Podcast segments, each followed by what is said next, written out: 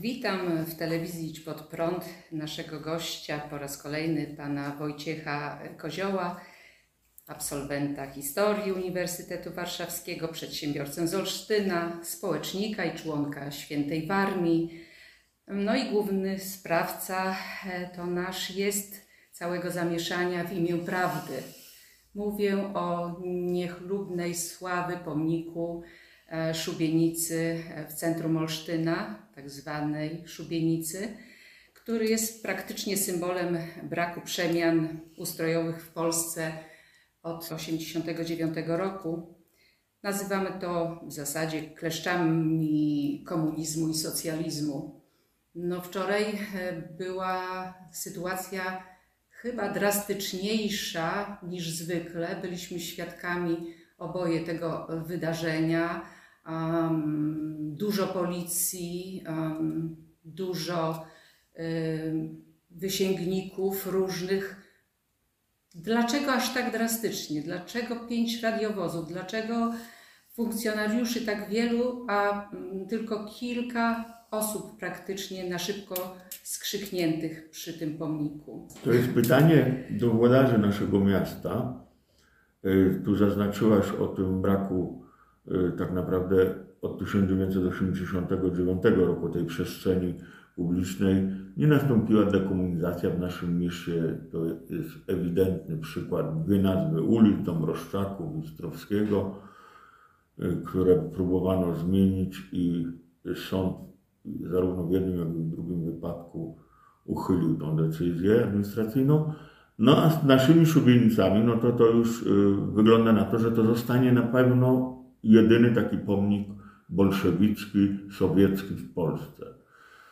I w przeddzień tego wczorajszego wydarzenia, właściwie w nocy, zawiesiłem tam po raz kolejny y, baner, którym zrównałem y, tą symbolikę sierpa i młota plus zetkę, którą teraz y, tak eksponuje armia rosyjska na Ukrainie, ze swastyką. Na tle flagi rosyjskiej z napisem Ruski Mir. Czyli w sumie były trzy banery teraz. Były trzy, bo 9 kwietnia powiesiłem ten biało-czerwony na jednym z tych plonów szubienic z napisem Katyń. 2 marca flagę ukraińską z napisem Solidarnie z Ukrainą i wtedy pan prezydent naszego miasta orzekł, że to jest zrobione z potrzeby serca, może wisieć. No, jak pokazała praktyka, Wczoraj co? Wszystkie trzy zostały usunięte. Można, można, można powiedzieć, że władze miasta dostały histerii. Wysłali jednego urzędnika i co najmniej ze 40 policjantów, 5 radiowozów ja naliczyłem. Oczywiście Straż Miejska w tym wszystkim była. I potraktowali nas w sumie taką grupkę kilku osób jak kiboli. No praktycznie nawet ja zostałam wylegitymowana. No. Oczywiście no, popieram, ale tam byli inni, którzy popierali, a że blisko stałam i znam się z wami, jak całym sercem też zostałam wylegitymowana. No troszkę przypominało czasy takie najgorsze. Nie było jakby wytchnienia od napięcia wielkiego. No ale dlaczego policja te barierki przenosiła?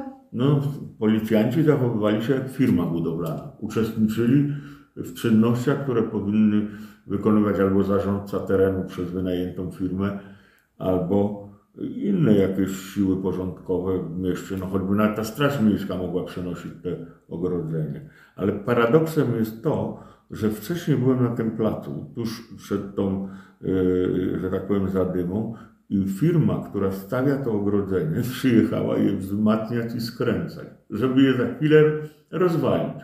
Inni. No po prostu zupełny brak koordynacji, to zresztą było widać. No, sięgnęli po cztery podnośniki, no, które przyjeżdżały, odjeżdżały i tak naprawdę nawet ten ostatni nie dał rady, więc no, taki, że tak powiem, beznadziejny wan, jak wandale chcieli te moje pasy mm. i, i, spadły, symbolicznie bardzo spadły te flagi, zwłaszcza polska i ukraińska na ziemi.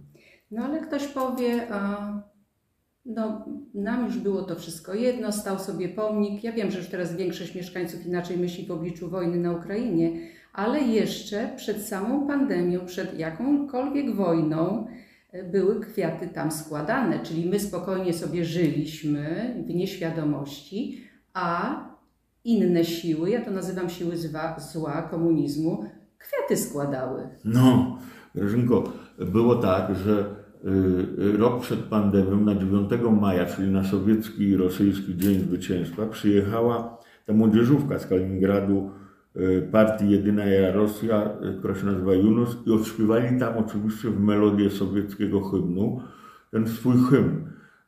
Też sowiecki, co prawda zmienili słowa. No, wyglądało to trochę komicznie, no ale to miejsce ich przyciąga. Zwróć uwagę, że 9 maja, jak wieszałem, 9 maja, jak wieszałem tam ten baner, podszedł jakiś człowiek czy kobieta, już tego nie zauważyłem, i złożył kwiaty. Przy nas, teraz. Ktoś złożył kwiaty. Ja, przecież tam nikt nie zginął, nikt tam nie leży. Jest tam jakiś soldat ruski symboliczny w walonkach Y, no ale i tacy się zdarzają. Oczywiście masz rację, że, że y, ogłupienie przy tym społeczeństwa jest duże, bardzo. To brak dekomunizacji, to teraz się przekłada na nasze myślenie, no ogólnie mówię nasze myślenie i na to, że ideologicznie, socjalistycznie rząd wszystko da, prezydent miasta wszystko da, wójt wszystko da, a my tylko tak. sobie spokojnie tak. żądajmy, tak? No ale teraz to, co widać w ekonomii, to się pewnie szybko przekonamy, że nie da. Że nikt nie da, bo przecież no, można drukować pieniądze i to się robi. No, przykładem jest Ameryka. No, przecież Biden cały czas daje. No ale druk pieniędzy zawsze się kończy tym, czym się kończy. Stefan Kisielewski świętej pamięci mówił, że nigdy herbata się nie robi słodsza od mieszania. I to jest jest cała prawda ekonomii. Tak. Dziękuję Ci Wojtku za krótką relację ze smutnego w sumie Olsztyna. Grażyna Bryk, telewizja Idź Pod Prąd. Do zobaczenia. Do zobaczenia. Dziękuję Grażyna.